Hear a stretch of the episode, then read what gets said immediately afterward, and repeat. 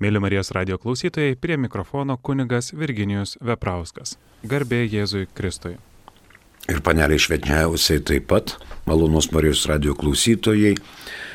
Nebaigėme praeitoje laidoje aiškintis apie laidotuvių celebravimą vienuoliams 1179.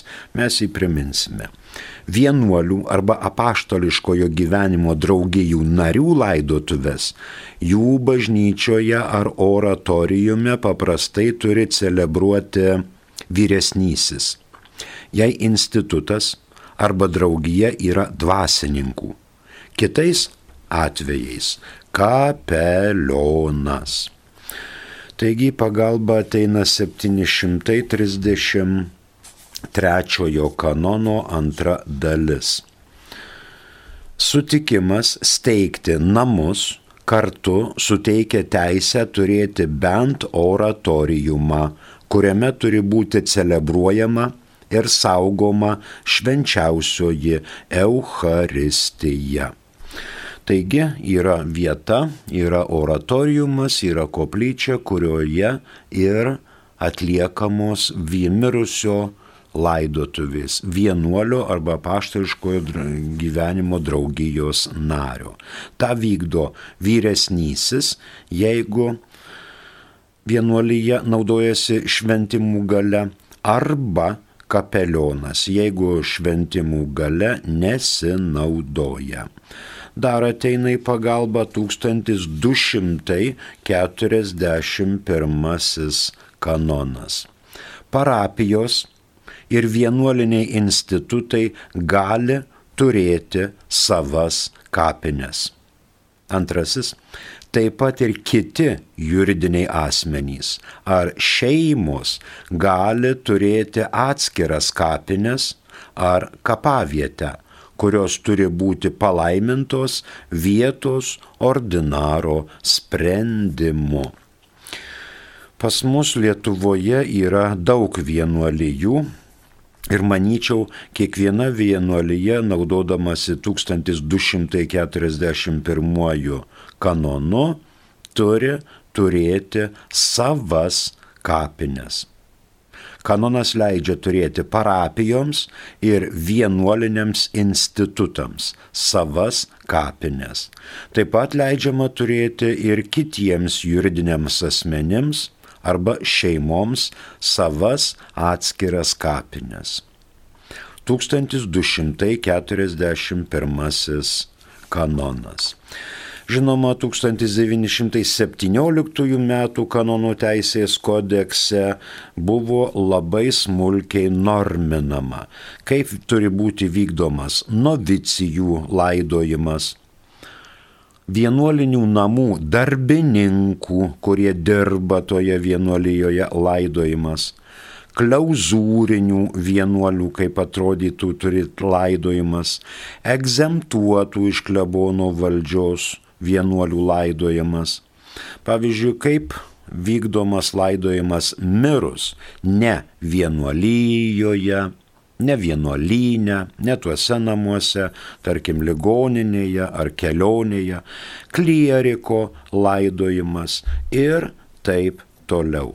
Dabar šio smulkinimo tikrai nėra.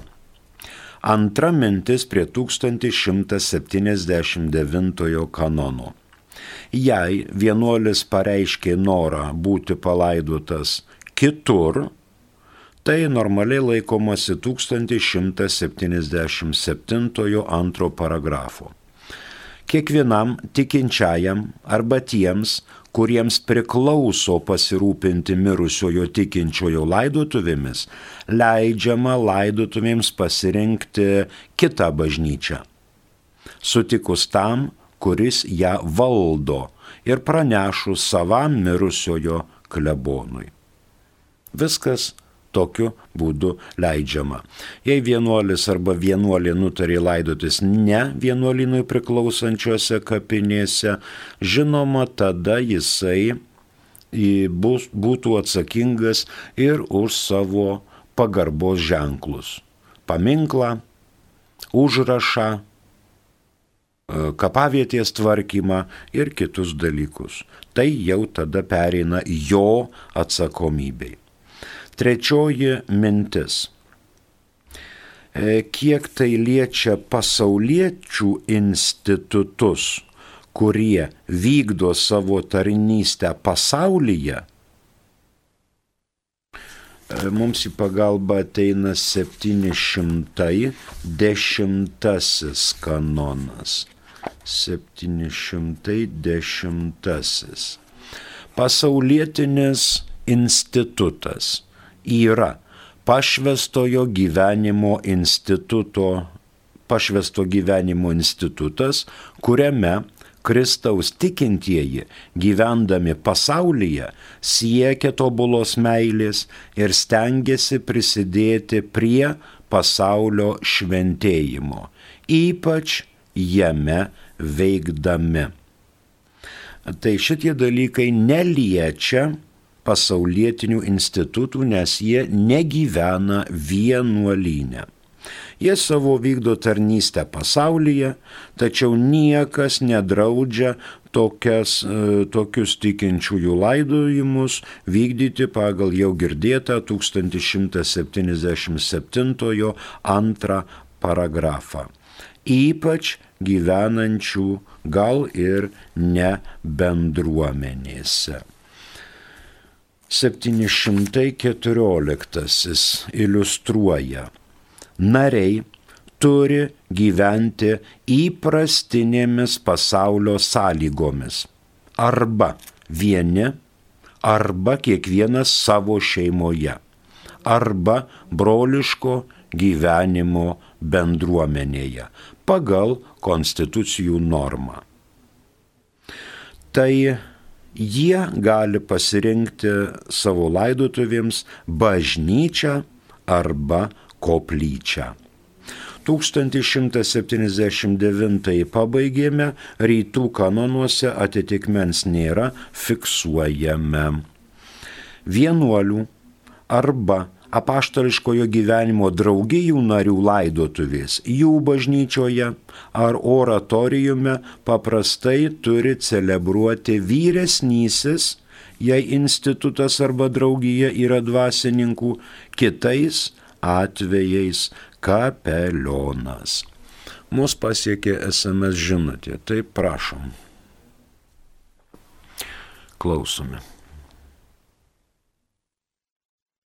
Mm, bendrauja dar su telefonu dirbantieji už pulto ir mes tuoj galėsime išgirsti kažkokią mintį.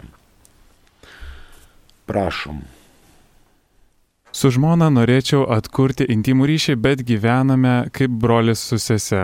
Kame čia problema? Ačiū. Aš irgi nežinau, kame čia problema, jeigu norėtumėte atkurti intimų ryšį su žmona. Imkit ir atkurkit. Nemanau, kad būtų kliūčių. Kitas kanonas 1180, bet prieš tai mums paskambino, prašom. Skambina klausytoja Irena, klausimų turi. Klausom. Garbėjas į Kristų. Per amžius amen. Irena iš Šiaulių. Taip. Noriu Jūs, kunigė, pasveikinti su gimtadieniu, palinkėti Jums stiprybės. E, labai džiaugiuosi Jūsų.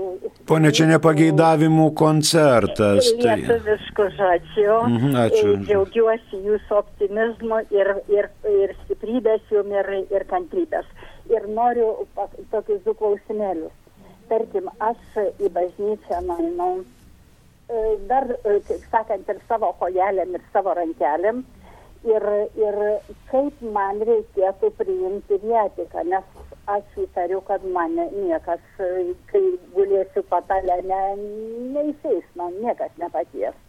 Ir, ir toliau kitas klausimėlis, jeigu individualiai einantis bažnyčios, nu, buvo toks atvejas, mane kunigas palaimina, nežinau, kaip elgtis ar dėkoti, ar klauptis, ar stovėti ir, ir nu, bet kaip tokia atveju elgtis. Ačiū. E, kunigas mišių pabaigoje mus visus laimina. Tai mes tada persižegnojame.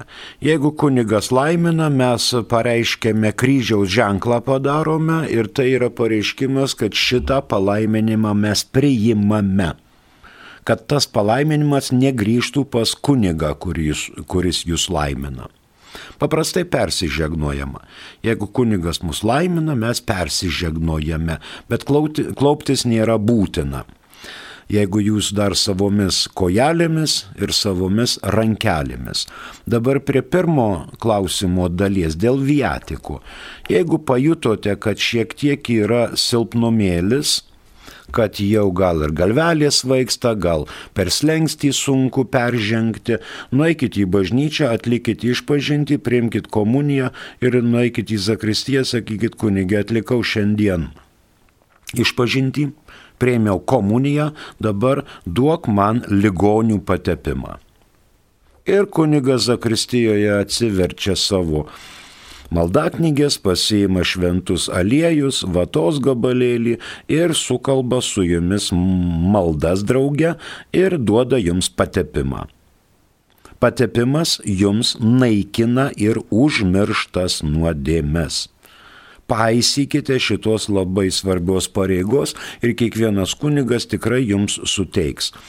Tai ligonių patepimas neteikiamas dėl senatvės, bet dėl negalios, dėl lygos, dėl kitų dalykų. Jeigu jaučiaties, kad dar nesate ypatingai gavusi ligonių patepimų, nueikit ir prašykit. Štai bus sekmadienį mm, Šiauliuose, kurioje nors bažnyčioje ten vieno iš keturių ir nueikit ir sakykit, aš noriu ligonių patepimų, jaučiuosi ne kaip, e, man gal mirties patalinė bus kas kuniga pakviečia, kunigė noriu patepimo. Šiandien atlikau išpažinti, prieimiau šventą komuniją. Viskas, ponė Irena, taip elkitės. Reikia. Ligonių patepimas yra labai svarbus sakramentas. Ačiū, mes dar turim žinutę, prašom. Judaistai Jėzų laiko apsišaukeliu, o mes Dievu. Kaip nustatyti, kuris klysta? Rabinai irgi turi ryšį su Jahve, kokį turi kitų denominacijų šventikai. Rabinai, taip, rabinai turi ryšį su Jahve. Rabinai turi ryšį su Jahve, bet mes žinome, kad Jėzus yra vyriausiasis kunigas ir virš rabinų Jahvė. Na, Jahvė tai yra žinoma žydiškas Dievo pavadinimas - Jahvė. Kai sugalvojo civilizuotas pasaulis sužinoti, ką ten Senam testamente Biblijoje žydai skaito, tai paprašė, kad būtų septogintos būdu išverstas į graikų kalbą šventasis raštas, ypatingai Senasis testamentas. Ir išvertė, ir žodį Jahvė išvertė Kyrijos viešpats. Tai ar sakai Jahvė, ar sakai viešpats, tai yra tas pats. Kiekvienose mišiuose mes šaukėmės Jahvės. Viešpatie pasigailėk. Kristau pasigailėk. Viešpatie pasigailėk. Čia yra tas pats kreipinys į Jahvę. Judaistai galbūt ir laiko Jėzų apsišaukėliu, tačiau mes Jėzaus asmenyje randam visą dievystę ir tikime, kad jis ne tik numirė už mūsų nuodėmės, bet ir prisikėlė iš mirties. O visas Senasis testamentas yra naujojo testamento laukimas. Visa eilė žmonių, tikėjimu nepripažįsta Jėzaus, kad jis yra tas atėjusysis mesijas. O mes žinome ir tikime, kad jau 2000 metų Jėzus yra mūsų atpirkėjas. Ta liudyja ir bažnyčia savo gyvenimu. O dabar kaip nustatyti, kuris klysta, tai pasakysiu jums visiškai atvirai. Kristaus iš numirusių prisikėlimas nėra istorinis faktas. Tai yra religinis faktas. Ir mes tuo tikime. Ačiū. Mes eikime prie 1180 kanono. Jei parapija turi savo kapines, mirę tikintieji turi būti laidojami juose, nebent teisėtai kitas kapines būtų pasirinkęs pats mirusysis. Arba tie, kuriems priklauso pasirūpinti mirusiojo laidojimu. Antrasis kanonas, jei tik, paragrafas, jei tik pagal teisę nedraudžiama, kiekvienas gali pasirinkti kapines savo laidotuvėms. Taigi pirmoji mintis. Kiekvienas tikintysis turi teisę būti palaidotas savo savosios parapijos kapinėse. Tačiau kiekvienas gali laisvai pasirinkti ir savo kapines, savo palaidojimo vietą. Kodėl? Pavyzdžiui, vietos trūkumas. Yra keturi karstai, penktas karstas netelpa. Žmogus nepareiškė noro, kad jo palaikai būtų sudeginti karstas, penktas netelpa. Ieškom kitos vietos. Pavyzdžiui, kitos bėdos, kapinių taisyklės nepriima to žmogaus arba nori žmogus, kad jis būtų palaidotas ne ten tie 3 ant 4 metrų, bet jisai 10 ant 15 nori, kad būtų palaidotas. Tokių sąlygų vieno žmogaus laidotuvėms nieks nesuteiks, o jis nori. Tada sako, jau tu pasieškok ten, kur tau tokias sąlygas padarys. Dar reikia, aišku, kapinių administratoriaus sutikimo. Kurioj vietoj? Yra vietų, nėra vietų, nes e, kai žmogus miršta, va tada daugiausiai žmonės suskumba, vajai, vajai, mes neturim savo vietos, ką daryti. Ir strimgalvės galvotrukčiais pradedame ieškoti vietos savo mirusiesiems.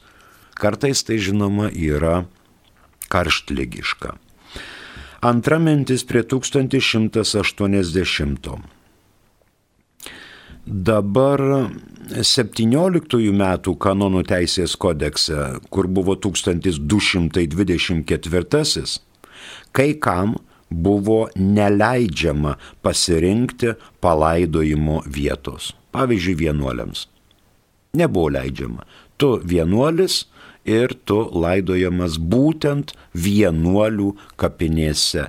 Jeigu iki pat mirties tu priklausai tai ar kitai vienuolijai. Pavyzdžiui, šviesios atminties kunigas Vaclovas Aliulis buvo palaidotas prie savo tėvų santaikos parapijoje. Ne prie Marijonų, nors Marijonai tėvai turi savo kapines Marijampolėje. Bet kunigas Vaclovas pasirinko prie tėvų ir jis buvo ten palaidotas. Trečia mintis. Gali būti komunalinės kapinės, civilinės kapinės ir gali kiekvienas žmogus turėti savą kapavietę faktiškai čia yra kalbama dėl palaidojimo vietos. Ne kapinėse, bet kapo vietoje. Vat atitverta vieta, čia tie 3 ant 4 ar, ar 2 ant 3 metrų, ar kit, mažesni būna kapeliai vietos. Čia reikia tarti su kapinių administracija. Dabar tikinčiųjų ir parapijos pareiga, jeigu turi savas kapines, savo tikinčiuosius laidoti juose. Mums į pagalbą dar ateina 1241 parapijos ir vienuoliniai institutai gali turėti savas kapines, taip pat ir kiti juridiniai asmenys ar šeimos gali turėti atskiras kapines ar kapavietę, kurios turi būti palaimintos vietos ordinaro sprendimu. Kitas 1242. Bažnyčiose neturi būti laidojami palaikai, nebent kalbama apie Romos popiežių arba kardinolus ar diecezinius vyskupus, taip pat emeritus, laidotinus savose bažnyčiose. Tai va, popiežius, kardinolai, vyskupai, arkivyskupai, kad ir emeritai laidojami savose bažnyčiose. Šviesios atminties jo ekscelencijai vyskupas Juozas Žemaitis taip ir buvo palaidotas šalia dar šviesesnės atminties arkivyskupo Liudviko Povilonio. Ten ir kunigo Senkaus Marijonų reformatoriaus kapas yra šventoriuje, garbingoj vietoj, toj bažnyčioj, prieglopstyje tos bažnyčios, kurioje tarnavo. Rytų kanonuose atitikmens 1180-ajam nėra. Jį fiksuojame. Du paragrafai. Jei parapija turi savo kapines, mirę tikintieji turi būti laidojami jose. Nebent teisėtai kitas kapines būtų pasirinkęs pats mirusysis arba tie, kuriems priklauso pasirūpinti mirusiojo laidojimu. Antrasis, jei tik pagal teisę nedraudžiama, kiekvienas gali pasirinkti kapines savo laidotuvėms. Jei parapija turi savo kapines, žinoma, parapija nepriims į tas kapines kitatikių nekrikštytų, kitos denominacijos e, asmenų. Tai yra katalikų kapinės. Nebent jie turi pasėmę didesnį plotelį, jie valdo palaidojimo teisę ir atkerta, atitveria kažkokią tai dalį, kur būtų palaidoti kiti. Pavyzdžiui, pasitarė. Toks panašus dalykas buvo Kaune šančiuose. Tai yra senosios šančių kapinės prie tilto, prie Nemuno, kur buvo katalikų kapinės ir buvo išskirta vieta evangelikams. Ir dar matosi dar tokia tvoros vieta, kur buvo jų ir kur buvo ne jų. Taip ir buvo skirstoma. Čia buvo katalikai laidojami, čia evangelikai. Krikštyti Jėzų tikintieji asmenys. Ačiū, mus, mums pasiekė dar vieną žinti, prašau. Sveiki, aš po mirties norėčiau savo kūną paukoti mokslui. Kur kreiptis? Kreipkitės į mokslą. Dabar 1181 kanonas. Dėl aukų duodamų laidotuvių proga turi būti laikomas 1264 nuostatų, tačiau saugantis, kad laidotuvėse nebūtų jokio šališkumo dėl asmenų ir kad vargšai neliktų be tinkamų laidotuvių. Dabar mūsų paminėtas čia 1264 kanonas. Apie ką jis čia? Jei teisė nenustato kitaip, provincijos vyskupų susirinkimui priklauso nustatyti mokesčius, kuriuos turi patvirtinti apaštalų sostas už vykdomąją galę suteikus malonės aktus arba už apaštalų sosto reskriptų vykdymą. Antrasis. Nustatyti aukas sakramentų bei sakramentalijų teikimo proga. Taigi viskupų konferencija gavusi apaštalų sosto aprobatą gali nustatyti mokesčius, nustatyti aukas, bet tai jau bus nustatytos aukos. E, pasiekė keletą žinučių, prašom, pabandykime. Kuris titulas yra aukštesnis - monsinjoras ar prelatas? Ačiū už paaiškinimą.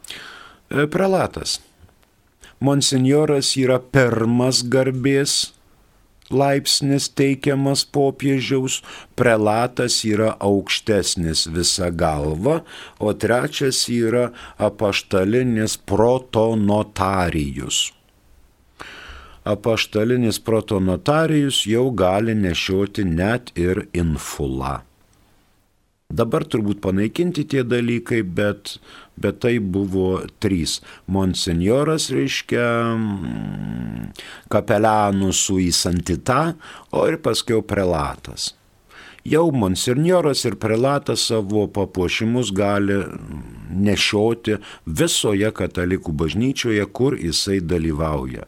Ne, jam joks vyskupas negali uždrausti, kad mano vyskupijoje jau tu čia savo nusimk juostas ir taip toliau. Kanauninkui gali, nes kanauninkas yra vyskupijos ponas, paskirtas vyskupu. Tai yra kapitulos kanauninkas. Kitoj vyskupijoje gali vyskupas sakyti, žinai, broli, tu ten esi kanauninkas, o čia tu kanauninkas neesi ir nusimk visus tuos puošybus, kad čia neerzintum nei manęs, nei kitų. Gali vyskupas taip pašnekėti. Gali. O su monsinjoru prelatu arba paštaliniu protonotariumi tikrai ne. Dar vienas klausimas. Prašom. Labadiena. Ar vienam iš būsimų sutoktinių pakanka būti priemusiam tik Krikšto sakramentą, kad galėtų priimti santoko sakramentą? Žiūrint, kada. Jeigu mirties atvejis yra, tada žinoma pakanka. Bet normaliai Lietuvos vyskupų konferencija yra pasisakiusi už tai, kad abu sutuoktiniai privalo būti prieimę Krikšto sakramentą, atgailos švenčiausiai ir sutvirtinimo sakramentą. Sutvirtinimo sakramento nepriima niekas, kol nėra privestas žmogus prie pirmos komunijos, prie išpažinties tada eina sutvirtinimas. Sutvirtinimui mokomasi metus, va dabar nuo rudens iki pavasario. Pavasarį vyskupas teikia parapijose sutvirtinimo sakramentą. Dabar būsimas sutuoktinis, pavyzdžiui, yra mirties pavojuje ir ten nespėsi jam nieko suteikti, klebonas arba kunigas kreipiasi į ordinarą, kad jam e, duotų leidimą sutuokti sutuoktinius, kad jie ir danguje būtų vyras ir žmona. Galima, taip, bet tai reikia visuomet kalbėti, žiūrėti, koks yra atvejis. Atskiru atveju taip gali būti ir vienas žmogus tik tai pakrikštytas, o kitas nekrikštytas. Ir nori abu du priimti santuoką. Su vyskupo leidimu žinoma santoka galima tokia, kai vienas yra pakrikštytas katalikų bažnyčioje arba ją priimtas, o kitas yra visiškai nekrikštytas. Irgi jeigu mirties pavojus, tai daroma. Tokia santoka tarp vieno pakrikštytojo, o kito nepakrikštytojo nėra sakramentas, bet tai yra kanoninė katalikiška santoka. Ačiū, dar vienas klausimėlis, prašom. Kažkada Bužauskas sakė, kai numirsim, sužinosim, o gali būti numirėm ir reinkarnacija. Gal hinduizmas ir yra tikrasis tikėjimas? Gal. Gal tikėkite hinduizmu arba reinkarnacija. Matot, tai pak katalikų bažnyčia neužseima burtais ir spėjimais. Kaip minėjau, Jėzaus asmenyje mes randame visą dievystę. Jėzus mums pasakė, aš jums perdaviau viską, ką esu iš savo tėvo girdėjęs. Iš Jahvės, iš Dievo tėvo ir šventosios dvasios. Ir Jėzus niekur neužsimena apie hinduizmą arba reinkarnaciją. Reinkarnacija tai jau yra predestinacija. Jeigu aš dabar žmogus, po to tapsiu drugeliu, po to berželiu su dalgiu ant peties, plieno, po to varlyte, po to dar kažkuo tai, tai galų galę aš grininsiuosi, grininsiuosi, grininsiuosi ir vis tiek aš pasieksiu ten tas nirvanas ir rojus ir, ir visą kitą šviesą. Tai jau predestinacija. Aš esu pasmerktas gėriui, kol išsivalysiu iš savo nesąmonių. O Jėzus sako kitaip. Va čia žemėje iki mirties turi laiko. Po to jokių kitų kalbų. Ačiū už klausimą. Dar vienas turbūt yra, prašau. Jei aukoti kūną mokslui, ar bažnyčia tam pritarė? Atleiskite, jei kvailai paklausiau. Ne, ne, čia ne kvailai tikrai. E, matot, kūną, kūną, e, kūną, kūno dalis yra plaukai. Tai kam tų plaukų mokslui reikia? Kūno dalis yra nagai. Kam tų nagų mokslui reikia? Mokslui reikia širdies, taip, donorams. Yra inkstukai, yra kepenys, jeigu dar jie funkcionuoja kiek tai, ir kiti organai. Testamente galite drąsiai parašyti. Ir tai yra katalikų mokslo dalis. Aš savo kūną aukoju mokslui. Ne kūną, bet kam ko reiks. Kažkas laukia mano inkstuko. Numiriau avariją, netikėtą ir žino, kad toks toks asmo savo inkstus dovanoja. Ir tada inkstuką karinės oro pajėgos su malūnsparnio e, kerta į santarų klinikas, ten žmogus laukia mano inkstuko. Prašau. Pritarė bažnyčia šitam reikalui. Jeigu girdėjot, buvo toksai Kauno arkiviskupijos antrasis sinodas, kuriame aiškiai buvo pasakyta, einame drauge ir kad donor, organų donorystė yra labai sveikintinas dalykas. Mes esam iš šlyno, iš molio, iš dulkės padaryti. Ir į dulkę virsime. Bet jeigu mano kepenėlis arba inkstukai arba širdelė, arba dar kitas koksai organas gali pasitarnauti ir kitam dovanoti gyvybę, mielai prašom, imkite. O ne taip, kad kūną, pavyzdžiui, paguldė į karstą kūną ir paskui pasimk mokslas, tu ten kažką darinėk. Nu tai taip nėra protinga, jau tie visi kūnai yra išpjaustyti ir žino, kur kokias savus gyslė prisikabinus prie kokio raumens, kur eina ten pro šeivikaulį kokią gyslą, arteriją, veną, tai tam mokslui tokio pjaustimo turbūt nereikia, bet dono, organų donorystė sveikintinas dalykas. Ačiū. Čia labai nekvailas klausimas, čia labai rimtas klausimas. Dėkoju. Mm, dar turbūt turime kažką, prašom. Panašus klausimas. Mm. Asta iš Vilniaus klausė, Draugė nutarė paukoti kūną po mirties medicinos fakulteto prozektoriumui. Ar tai teisingas sprendimas katalikui? Ačiū.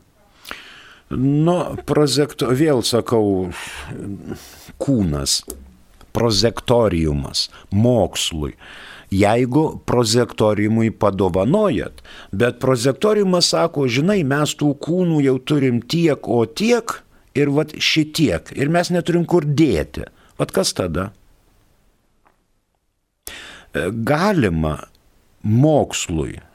Mokslas tai yra žinoma gyvybę gelbstintis dalykas.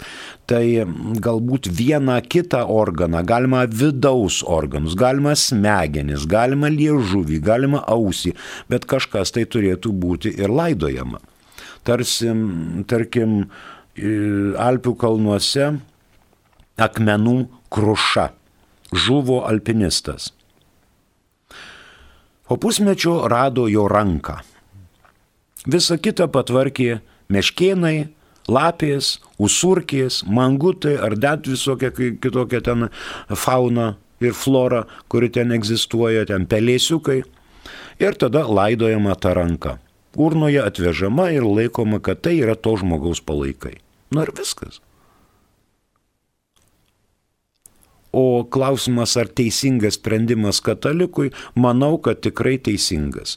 Jeigu jis, pavyzdžiui, buvo medicinos ar profesorius, ar studentas ir žino, kaip sunkiai mokslas kinasi kelią į priekį, kaip labai reikia daug ten skalpelių, studentų tyrinėjimų, kad jie po to mus, mus e, pjaustytų, operuotų, jeigu šitam pasitarnavimui mielai prašome mielai prašome. E, organų donorystė yra tikrai sveikintinas dalykas. O mes einame aiškindamiesi 1181 kanoną dėl aukos laidotuvėms, bet ne mokesčio.